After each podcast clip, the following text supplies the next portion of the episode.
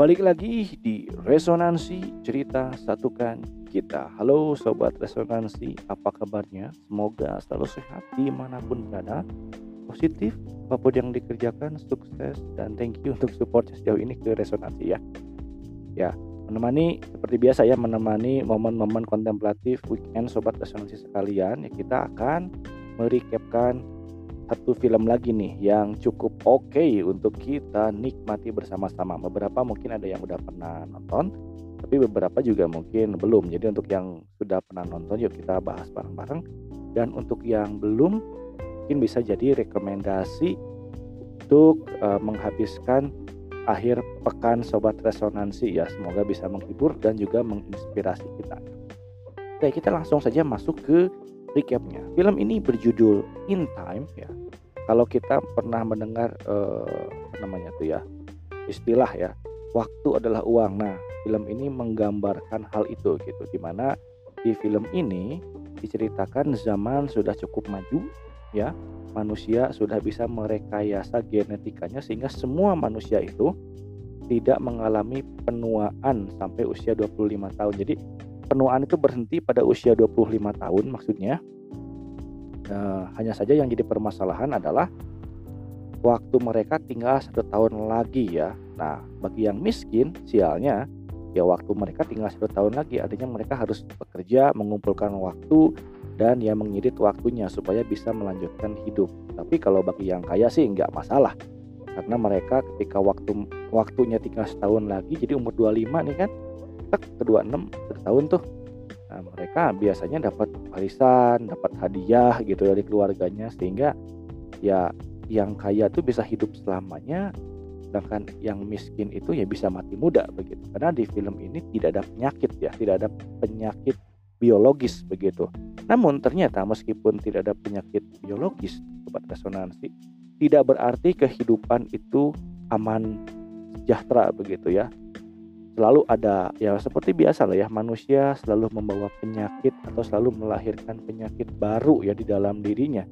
Yang mungkin tidak ada penyakit biologis tetapi kesenjangan antara si miskin dan si kaya ini melahirkan begitu ya sebuah penyakit sosial begitu di mana orang-orang di film ini tuh dibagi-bagi ya ke dalam dua golongan lah ya orang kaya di New Greenwich dan orang miskin di ghetto dan di sektor lainnya. Jadi kalau orang miskin itu adanya di ghetto dan mereka itu hidup dari hari ke hari begitu ya, bahkan ya dari jam ke jam begitu ya. Sedangkan orang di New Greenwich itu bisa hidup selamanya ya ratusan tahun dengan tubuh yang muda dengan wajah yang masih ganteng dan masih cantik begitu ya. Nah, film dibuka dengan satu keluarga kecil ya di mana ada seorang ibu dan seorang anak-anaknya ini tokoh utama kita yaitu Will Salas diperankan oleh Justin Timberlake ya di mana pada saat itu ibunya tengah ulang tahun ke yang 50 dan Will Salas sendiri berusia 26 tahun ya. Nah, seperti biasa lah ya kalau seorang emak-emak gitu ke mamanya gitu ke anaknya. Ya emak-emak di sini tuh masih cantik ya karena tadi saya udah bilang bahwa ya tidak ada penuaan ya penuaannya berhenti. Makanya ngomong ke si Will Salas kapan saya punya cucu? gitu ya atau kapan kamu merit tapi si Will Salas bilang aduh saya nggak punya waktu untuk itu begitu ya. Sedangkan saya banyak tagihan harus menghidupi mamanya gitu. Nggak ada ada waktu lah untuk begitu begitu gitu kan. Nah, selain daripada itu ya kenapa juga harus terburu-buru? Dan obrolan di antara mereka pun akhirnya harus berakhir ya dengan dengan waktu yang mereka miliki yang sangat sedikit. Mana mamanya harus pergi ke satu tempat karena waktu mamanya cuma tiga hari lagi kurang lebih.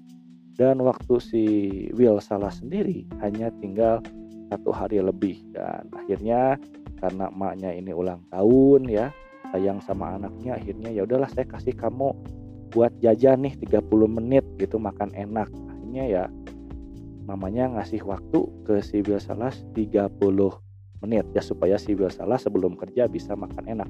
Nah, bagaimana cara ngasih waktunya? Cara ngasih waktunya itu adalah dengan cara berjabat tangan. Yang ngasih tangannya di bawah, yang dikasih tangannya di atas begitu ya, teman-teman.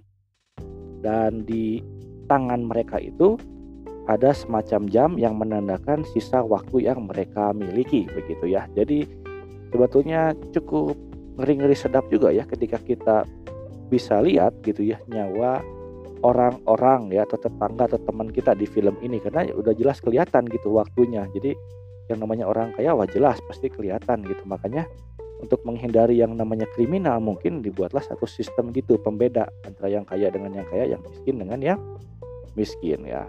Oke, sin dilanjutkan ke Will Salas yang berangkat kerja di tengah perjalanan menuju tempat kerja dia dicegat oleh bocil perempuan bernama Maya. Bocil perempuan ini tentunya belum jamnya belum berjalan ya karena dia belum 25 tahun. Tetapi dia ini seperti homeless sehingga dia meminta ke Will Salas donasi waktu. Dan Will Salas ini sangat baik. Akhirnya dia ngasih waktu 5 menit. Padahal dia ini cuma punya waktu sehari loh. Tapi dia bisa ngasih waktu 5 menit begitu. Tidak ingin uh, membuang-buang uang atau tidak ingin membuang-buang waktu Will Salas pun memilih berlari menuju ke tempat kerjanya. Sebelum bekerja dia ketemu dengan sohibnya bernama Borel begitu ya. Dan mereka memesan sebuah bukan sebuah ya memesan dua cangkir kopi. Hanya sayang sekali ternyata kopi hari ini itu naik. Kemarin itu harganya 3 menit sekarang harganya jadi 4 menit. Ada sedikit perdebatan atau ada sedikit percekcokan ya soal harga gitu kan tapi ya mengingat antrian yang begitu panjang gitu ya tidak ingin mengganggu pengantin-pengantin yang lain ya udahlah gitu ya cincai aja lah diambil di apa namanya dibeli aja meskipun harganya naik jadi 4 menit begitu. Jadi kita diperlihatkan di sebuah kenyataan di mana harga-harga itu selalu naik tanpa ada pemberitahuan terlebih dahulu yang artinya memang orang-orang itu dipastikan lah ya akan mati begitu ya dipastikan akan mati memang mereka tidak akan mengalami penyakit gitu tapi dengan ketiadaan waktu ya mau nggak mau ada yang bakal ada banyak orang miskin yang meninggoy gitu ya. Ya, dilanjutkan kembali ke Will Salas yang yang bekerja begitu dan dia bekerja itu sebagai seorang pembuat mesin tabung waktu begitu ya. Dia bekerja sebagaimana mestinya, namun ternyata ketika dia selesai bekerja hendak mengambil gajinya dengan eh, dengan me, apa ya menyimpan menyimpan menaruh tangannya di sebuah mesin gitu seperti uh, seperti mesin bar begitu ya. Dan ternyata dia sangat kaget ketika dia melihat waktu yang dia dapat itu sangat sedikit. Ya agak pusing juga sih ya bagaimana dia mau kembali ke emaknya gitu sedangkan gajinya aja tuh nggak cukup gitu ya untuk untuk dia hidup. Karena tadi itu sebelum dia kerja waktu dia itu satu hari begitu ya. Sekarang ketika dia udah kerja ya satu hari satu jam gitu ya. Cuma ngaruh sejam gitu apa apa signifikansinya begitu kan buat dia. Namun akhirnya ya udahlah dia juga tidak mau mengganggu antrian dan akhirnya dia pergi ke bar menemui temannya Borel begitu ketika dia menyapa Borel si Borel langsung menyapanya dengan riang gembira dengan senang sambil agak-agak mabuk karena dia lagi ditraktir sama orang asing ya yang ternyata di tangannya itu tersimpan waktu sebanyak satu abad lebih begitu. Tentu saja itu adalah satu hal yang aneh di mana di ghetto itu orang tidak punya waktu sebanyak itu gitu. Paling banyak juga cuma ukuran hari gitu ya. Sedangkan orang ini punya ukuran waktu satu abad lebih ya. Merasa kaget dengan hal itu si Will Salas langsung mendekati pemuda itu bukan pemuda ya kan kita nggak tahu juga umurnya berapa tahun meng, meng, menghampiri orang itu lah gitu lah ya teman-teman sekalian menghampiri orang itu dan bilang ngapain kamu di sini gitu lebih baik segera pergi karena bisa saja atau bukan bisa saja sangat dipastikan akan ada orang yang berniat jahat bukan hanya untuk mencuri tapi untuk membunuh orang tersebut. Tapi ternyata yang diperingatinya bernama Henry Hamilton itu tidak mendengarkan atau bilang ya udah nggak apa-apa katanya gitu. Seolah-olah memang pengen mati gitu ya. Dan ternyata benar saja sesaat kemudian setelah Will Salas mengingatkan si pemuda untuk bukan bukan si pemuda ya. Ya udahlah si pemuda aja gitu ya. Si pemuda untuk segera pergi ya ternyata datanglah gerombolan preman yang dikepalai oleh seorang bernama ya Portex Portis ya bernama Portis. Nah si Portis ini langsung menantang duel si Harry Hamilton untuk duel sampai mati katanya. Jadi duelnya di sini adalah adu panco ya yang tangannya di bawah eh, itu waktunya akan keambil gitu sama yang tangannya di atas kayak begitulah kurang lebih ya teman-teman. Si Will Salas dipanggil sama si Bora lalu segera menyingkir dari kerumunan itu karena tentu saja itu sangat berbahaya. Namun Will Salas bilang kepada si Borel untuk ya udahlah kamu duluan aja katanya. Tapi si Borel ingetin untuk tidak melakukan hal yang aneh-aneh dan Will Salas pun berjanji untuk tidak melakukan hal yang aneh-aneh begitu. Merasa kasihan dengan nasib si Henry Hamilton gitu ya yang lagi di gengking begitu dan udah pasti mati akhirnya si Salas langsung berpikir cepat untuk ya menyelamatkan si Henry Hamilton ini. Dan akhirnya pada saat si Henry Hamilton meminta izin untuk ke toilet karena dia agak grogi begitu ya belum adu panco gitu si Will Salas langsung membawa kabur si Henry Hamilton yang tentu saja membuat gerombolan Portis ngamuk ya. Dan langsung saja Will Salas yang membawa kabur itu dikejar ya. Ya untungnya begitu ya sobat rasionalisi sekalian. Mereka berhasil meloloskan diri masuk ke dalam sebuah bangunan kosong. Dan Will Salas bilang bahwa mereka sudah aman dan bisa beristirahat lah ya untuk satu malam ini. Dan Will Salas berjanji tidak akan mengambil waktu yang dimiliki Henry Hamilton Meskipun waktu Henry Hamilton itu sangat banyak, sedangkan waktu Will Salas itu tidak lebih dari sehari. Namun hal yang unik Henry Hamilton pun bilang hal yang sama ya, bahwa dia juga nggak akan ngambil waktunya si Will Salas begitu sobat resonansi sekalian. Dan sebelum mereka tidur terjadilah obrolan yang cukup singkat, mereka saling mengenal. Ternyata ya Will Salas ya umurnya 26 tahun dan Henry Hamilton berumur 100 tahun lebih begitu ya. Sedangkan di tangannya itu masih ada waktu 100 tahun lagi gitu teman-teman. Jadi ya bisa dibilang abadi lah gitu ya. Tapi dia bilang apa pun yang sudah dia dapat, bukan apa pun ya. Eh waktu yang dia sudah dapat, sudah terima ya memang bisa membuat hidup dia abadi. Tapi katanya dia udah capek untuk hidup karena tubuh memang kuat gitu ya tapi pikiran itu katanya tuh bisa lelah. Jadi orang kaya juga perlu dimatiin kata Henry Hamilton dan dia bilang bahwa ya saya juga perlu mati meskipun saya adalah orang kaya gitu. Dan akhirnya di Salas ditanya apa yang akan kamu lakukan kalau kamu punya waktu seperti sebanyak saya dan Salas bilang bahwa dia nggak akan menyia-nyiakan waktu yang sudah dikasihkan tersebut ya mendengar so, uh, mendengar obrolan mendengar kalimatnya tersebut ya mereka pun ya si Henry Hamilton pun cukup lega dan akhirnya ya mereka berdua pun tidur. Moon ternyata di subuhnya ya Henry Hamilton bangun lebih awal dan dia tanpa pengetahuan Will Salas memberikan seluruh waktunya dan menyisakan waktu tiga menit saja begitu untuk dirinya setelah itu dia pergi ke sebuah jembatan sambil merenungi kehidupannya begitu dan waktu pun hitung mundur ya 3 2 1 dan Henry Hamilton pun meninggal. Sementara itu di sisi lain Bill Salas mulai terbangun dan seperti biasa karena ia ini hidupnya ya dari hari ke hari ia melihat jamnya dan sungguh amat sangat kaget sobat resonansi sekalian ketika dia melihat jamnya begitu ya atau nyawanya umurnya sudah terisi 100 tahun lebih. Dan langsung saja dia melihat sekitarnya di mana Henry Hamilton sudah tidak ada dia melihat di kaca jendela yang sudah bertuliskan begitu ya don't waste my time atau jangan sia-siakan waktuku Bersalas langsung berlari menuju jembatan dan ketika dia melihat ke bawah ternyata ya ketika dia melihat ke bawah dia melihat mayatnya Henry Hamilton yang sudah meninggal. Dan ya karena kalut dia pun melihat CCTV yang tergantung di atas dan dia lari. Cukup senang dengan apa yang dia dapatkan. Dia langsung mengunjungi Borel temannya tersebut begitu ya sohibnya.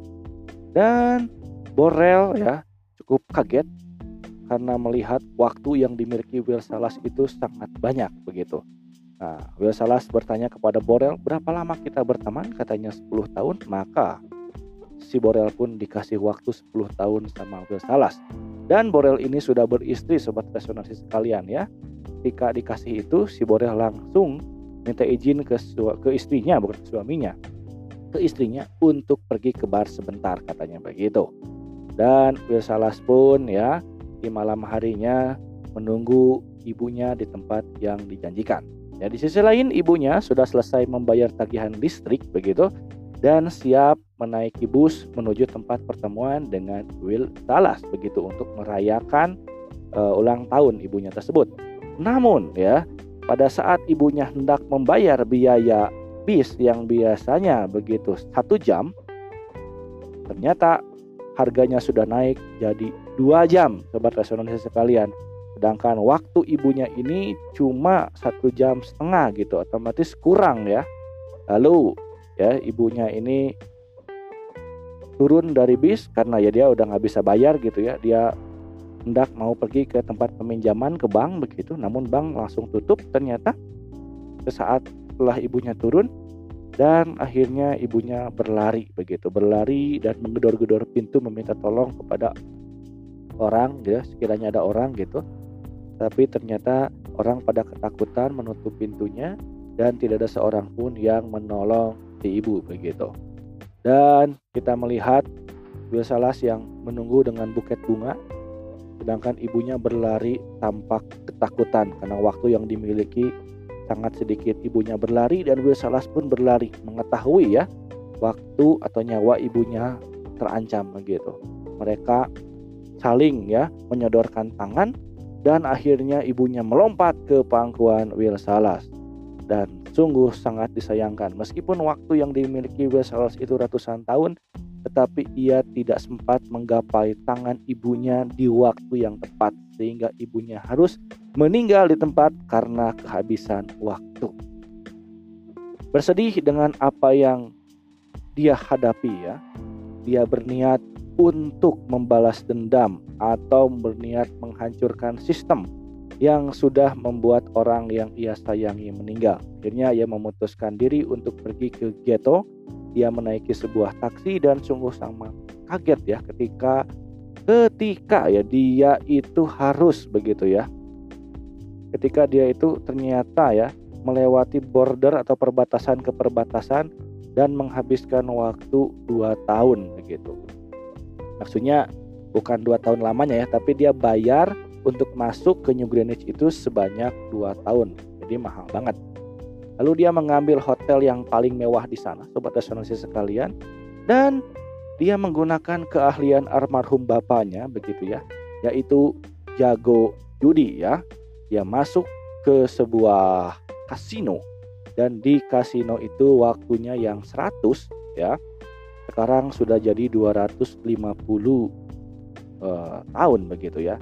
Dan karena dia udah punya waktu 260 tahun ya dia akhirnya duduk berhadapan dengan seorang yang sangat kaya seorang milioner yaitu Felipe Weiss begitu ya. Dan ketika dia di ghost begitu ketika dia di semacam apa ya ditantang gitu ya untuk untuk judi ya dia mengambil dan waktu dia itu ternyata habis tinggal tiga detik begitu. Dan ketika di detik-detik terakhir ternyata dia memenangkan judi tersebut dan akhirnya waktu yang dia miliki ini seribu tahun lebih teman-teman ya. Dengan waktu tersebut tentunya membuat semua orang sangat salut dan kaget ya dan Felipe Weiss pun juga ya cukup salut ya dan ternyata ketika mereka selesai berjudi ada seorang perempuan yang cukup cantik begitu yang mencuri perhatian ya si Will Salas ini. Dan Felipe hendak bertanya, menurut kamu dia pantasnya nih siapa saya, istri, anak atau siapa? Gitu. Lalu uh, Felipe Weiss bilang kalau dia itu adalah anaknya. Dan Will Salas bilang anaknya itu ya cantik pak katanya. Gitu ya. Dan terpesona dengan permainan Will Salas yang cukup gemilang. Akhirnya si anak Felipe Weiss ini atau Sylvia Weiss yang mengundang Will Salas untuk ikut ya berpesta di rumahnya. Akhirnya Felipe Weiss pun sebagai seorang bapak ya tidak bisa menghindar ya mau tidak mau harus mengundang Will Salas ya dan Will Salas dikasih tahu peta atau tempat di mana rumahnya berada gitu ya. Keesokan harinya Will Salas tidak lupa beli mobil dulu begitu ya. Sebanyak seharga 60 tahun begitu, mobil yang sangat keren begitu. Dan dia langsung menggunakan mobil itu begitu ya ke tempat uh, Sylvia ya ke tempat Felipe Weiss ya mereka sudah cukup penasaran sebetulnya antara satu dengan yang lain dan akhirnya Will salah sampai dan ternyata di sana tuh memang tempat orang-orang kaya berkumpul ya. Salas di sana mencoba banyak makanan, minuman yang ada di sana dan diperhatikan oleh Sylvia. Dan terjadilah obrolan. Dan akhirnya eh, entah kenapa ya si Sylvia ini kayaknya anaknya agak bandel gitu sehingga dia tuh uh, membawa pergi si Salas ke luar rumah di mana luar rumah ini sangat indah karena ternyata menghadap ke laut begitu ya. Dan ya Salas yang nggak pernah lihat laut seindah itu gitu langsung membuka bajunya dan berenang gitu. Lalu mengajak si Sylvia dan ternyata ya mereka berenang bareng di sana. Dan tidak lama kemudian papanya memanggil-manggil dan ya akhirnya mereka pun segera bubar gitu ya. Ya si Will Salas begitu ya. Langsung diajak ditanya sama papanya di mana Sylvia? Gitu. Lalu si Will Salas bilang bahwa ya tepat di belakang Anda Pak. Gitu. Ketika dilihat oh bapaknya cukup tenang ya si Sylvianya masih ada ternyata. Begitu sobat resonansi sekalian. Dan akhirnya tibalah saat di mana mereka akan berjudi. Namun ternyata ketika mau mulai perjudian adalah seorang yang disebut dengan ya kelompok yang disebut dengan timekeeper. Jadi di sini itu gak ada polisi ya teman-teman ya. Yang ada itu timekeeper. Timekeeper itu tugasnya mereka menjaga waktu ya. Mengawasi waktu begitu. Uh, soal pencurian waktu dan hal-hal uh, seputaran hal yang demikian lah gitu ya. Dan cukup curiga dengan waktu yang dimiliki Wesalas di mana Wesalas itu sebelumnya nggak punya waktu sebanyak itu tiba-tiba punya begitu. Maka si Wesalas ditangkap dan akhir dan singkat cerita begitu ya waktu yang dimilikinya itu disita karena dianggap waktu itu tidak tepat berada di tangan Will Salas begitu ya. Lalu Will Salas bilang bahwa e, ya ini nggak nggak tepat begitu ya, tidak adil begitu. Tapi si penjaga waktu ya si timekeeper itu bilang ya bukan urusan saya soal keadilannya, saya bukan bukan penegak keadilan, saya timekeeper. Kalau timekeeper itu nggak ngurusin soal keadilan, tapi ngurusin soal waktu, sesuatu yang bisa diukur, sesuatu yang bicara masalah detik, menit, jam ya begitu. Ya akhirnya ya waktunya pun disita.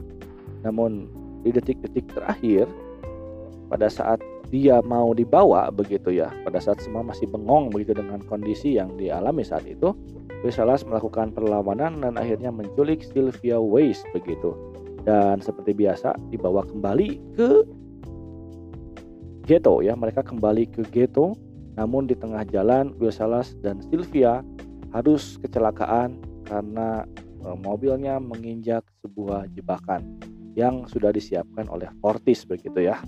Fortis adalah preman ghetto yang tadi kita uh, yang tadi diceritakan di awal ya teman-teman sekalian.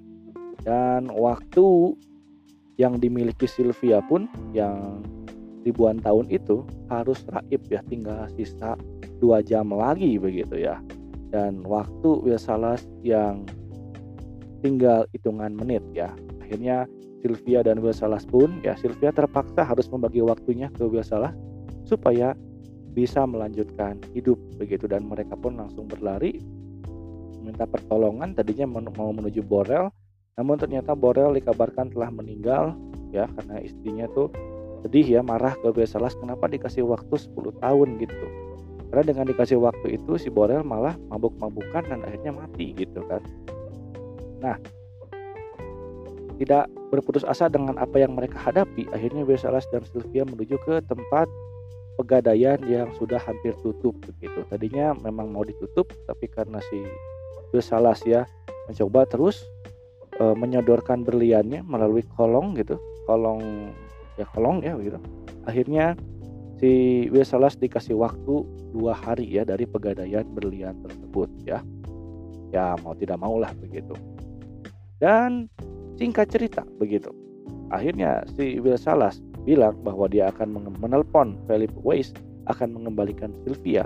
Halo, dia dikasih waktu begitu ya satu juta ya satu juta tahun gitu sama eh, sama si Felipe begitu. Namun ternyata si Felipe tidak memberikan waktu yang diminta sama Will Salas tersebut. Itu cukup mengagetkan, cukup bikin shock dan membuat Sylvia sebetulnya agak kecewa begitu ya. Dan ternyata Sylvia ini meskipun judulnya diculik sobat resonansi sekalian ya, ternyata dia ini cukup menikmati penculikannya karena mereka masih sempat main kartu, bisa mengenal satu sama lain ya. Singkat cerita mereka itu bisa dibilang saling mendukung satu dengan yang lainnya karena di satu sisi Sylvia merasa bosan hidup sebagai orang kaya yang nggak tahu juntrungannya ke mana gitu ya dan bertemu dengan Will Salas. Will Salas pun seorang yang ya miskin dan punya motivasi untuk menyelamatkan orang-orang sebangsanya lah ya sesama orang miskin begitu. Dan begitulah kisah mereka sehingga jadi klub gitu ya, jadi jadi klub banget begitu. Jadi si Sylvia dan si Will Salas ini berinisiatif untuk mencuri setiap waktu yang dimiliki oleh orang-orang kaya. Pertama, mereka melancarkan aksinya mencuri waktu di bank yang dimiliki oleh bapaknya si Sylvia sendiri, begitu ya. Namun, aksi tersebut ternyata mengundang banyak eh, banyak masalah ya. Dikejar sama timekeeper dan juga dikejar oleh gelombang Cortis yang akhirnya memaksa Salas mau tidak mau begitu ya harus bertarung mati-matian dengan Cortis namun Salas ini jago judi, jago panco sehingga di detik-detik terakhir sebelum kematiannya begitu. Cortis dikalahkan dan dia pun berhasil lolos. Melihat aksi ya yang dia lakukan tidak tidak merubah banyak keadaan karena ternyata dia udah mencuri. Dari curiannya dia kasih ke dia donasikan begitu dia kasih ke orang-orang. Ternyata tidak mengubah keadaan. Kenapa? Karena harga-harga eh, harga-harga bahan pokok begitu ya harga-harga harga-harga eh, penunjang kehidupan ya makin lama makin naik gitu nggak berubah lalu Sylvia bilang ya udah berapa waktu yang kamu butuhkan lalu si Salas bilang satu juta tahun Lalu si Sylvia ada ngahulang sebentar, ada berpikir sebentar dan dia bilang, "Oh, mungkin ayah saya punya." Jadi ya udah yuk kita menyerah.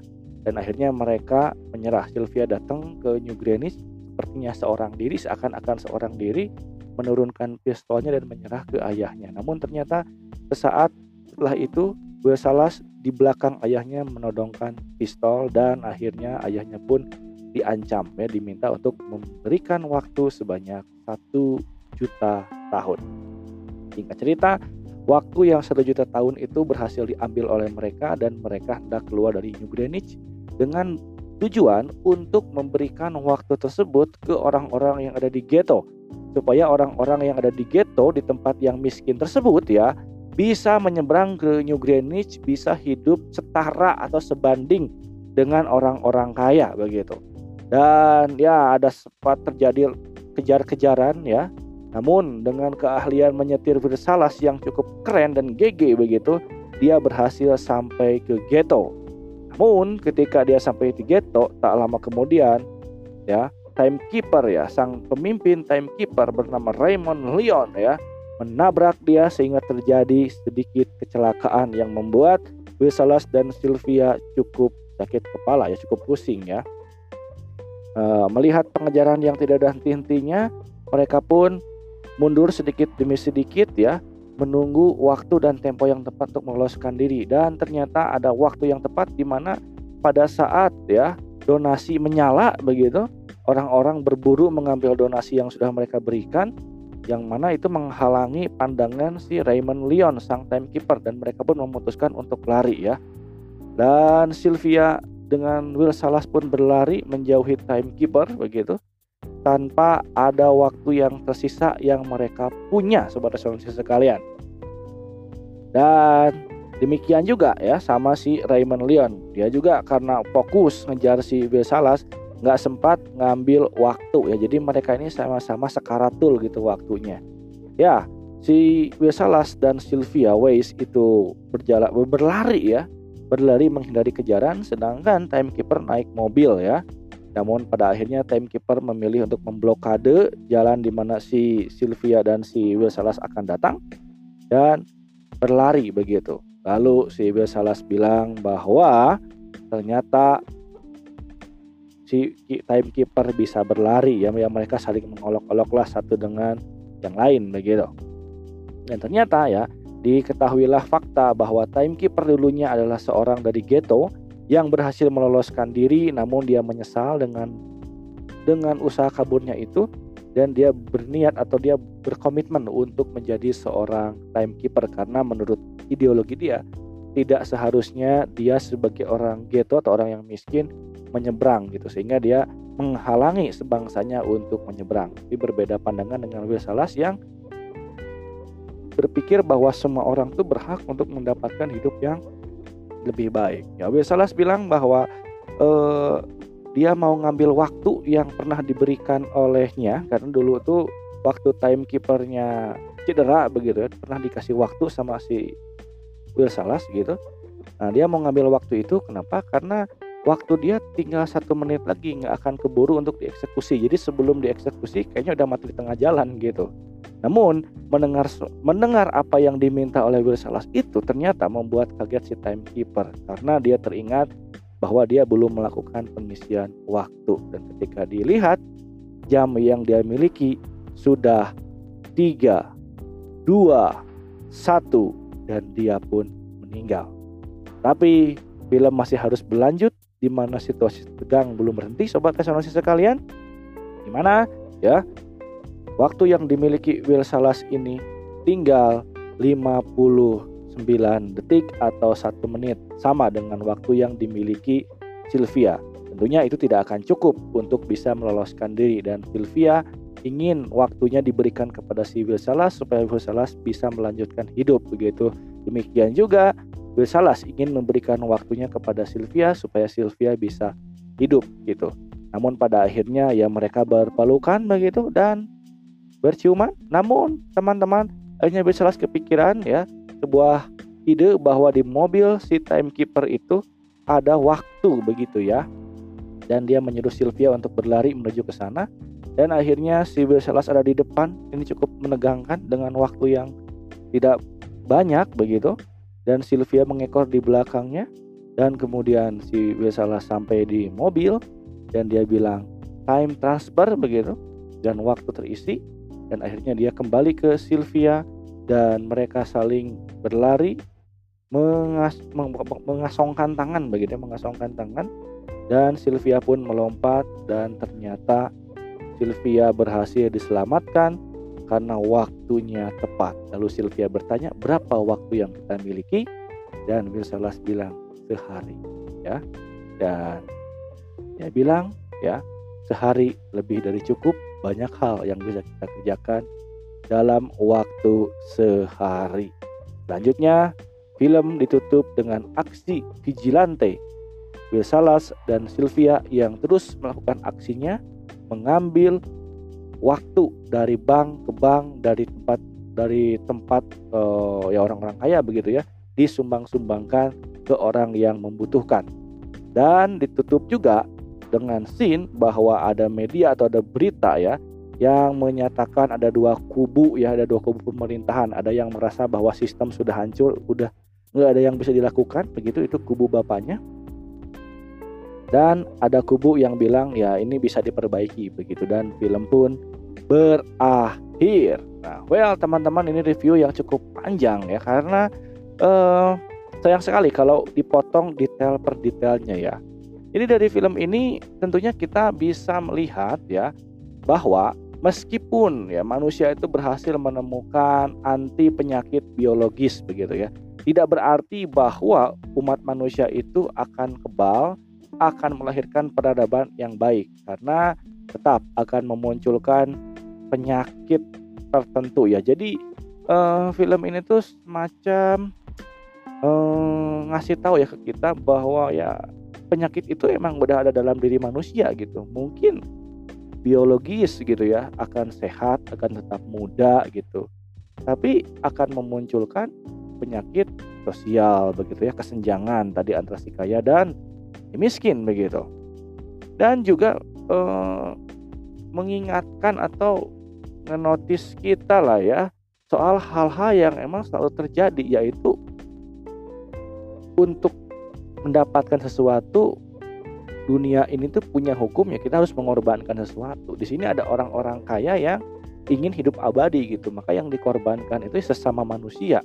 Jadi ada orang yang sengaja dibuat untuk terus miskin dan dengan kemiskinan itu dipaksa untuk mati begitu teman-teman ya. Jadi eh, satu kenyataan yang pahit tapi ya itulah kenyataan gitu ya. Jadi bagaimana nih menurut sobat resonansi sekalian betul bahwa film ini tuh singkatnya ya gitu ngasih tahu kita bahwa waktu adalah uang tapi menurut saya sih bukan itu pesannya ya nah ya eh, setiap kita udah ngerti kalau soal ya waktu itu berharga tidak selamanya kita punya waktu atau kesempatan gitu ya. Tapi menurut saya film ini tuh lebih ke ngasih tahu soal sistem besar ya yang mana tuh akan selalu mengkondisikan orang-orang tertentu untuk ada di kandang tertentu begitu. Atau akan selalu mengkondisikan orang-orang tertentu ya jadi objek ya jadi alat untuk orang-orang tertentu begitu. Jadi yang namanya miskin dan kaya itu diciptakan gitu oleh sebuah sistem yang besar. Jadi artinya sobat resonansi uh, melalui film ini tuh uh, kita bisa belajar tentang makna kehidupan ya bahwa kehidupan itu tidak bisa dinilai oleh seberapa kaya kita, seberapa panjang umur kita, tapi seberapa kita punya nilai kemanusiaan begitu ya. Sehingga kita tuh e, mau berjuang untuk hidup orang lain mau berjuang untuk orang-orang yang kita sayangi bahkan mau berjuang untuk e, peradaban umat manusia begitu. Kita tidak akan tega lah ya e, hidup abadi demi mengorbankan e, orang banyak begitu. Itu kalau yang warasnya begitu. Jadi diingatkan ke pemikiran yang waras itu. Sedangkan zaman sekarang kan kalau dilihat gitu ya kita refleksikan ke diri kita ya kita beberapa di antara kita rela melakukan apa pun ya gitu ya. Demi tujuan begitu. Menggadaikan keluarga mengorbankan teman dan sebagainya ya. Hmm, well saya punya ya bukan saya punya ya. Jadi resonansi kali ini sih mengingatkan di mana pun berada ya banggalah dengan apa pun yang kita miliki begitu. Dan perjuangkanlah apa yang apa yang menurut kita berharga gitu ya. Meskipun mungkin kita tidak populer kita tidak punya banyak uang tetapi well itu yang membuat hidup kita berharga. Toh tidak selamanya kita harus mengejar keduniawian barangkali ya. Karena uh, tentu saja ada hal yang jauh lebih berharga daripada yang namanya uang dari mana daripada yang namanya waktu. Karena waktu akan berharga ketika kita memaknainya berharga gitu. Baliknya waktu akan terasa sia-sia ketika kita tidak memaknainya gitu. nah well bagaimana nih menurut sobat resonansi film In Time ini uh, sampaikan ulasan sobat resonansi sekalian setuju tidak setuju begitu dan alasannya ke kita ya di resonansi podcast kita ya atau juga uh, di @resonansi podcast ya di IG kita atau juga email kita yang ada di deskripsi ya sobat resonansi. Uh, akhir kata kita mau mengaturkan banyak-banyak terima kasih untuk sobat resonansi yang udah nyimak sampai sejauh ini ya. Semoga bisa menghibur dan sampai ketemu. See you the next episode. Akhir kata, biarlah cerita satukan kita.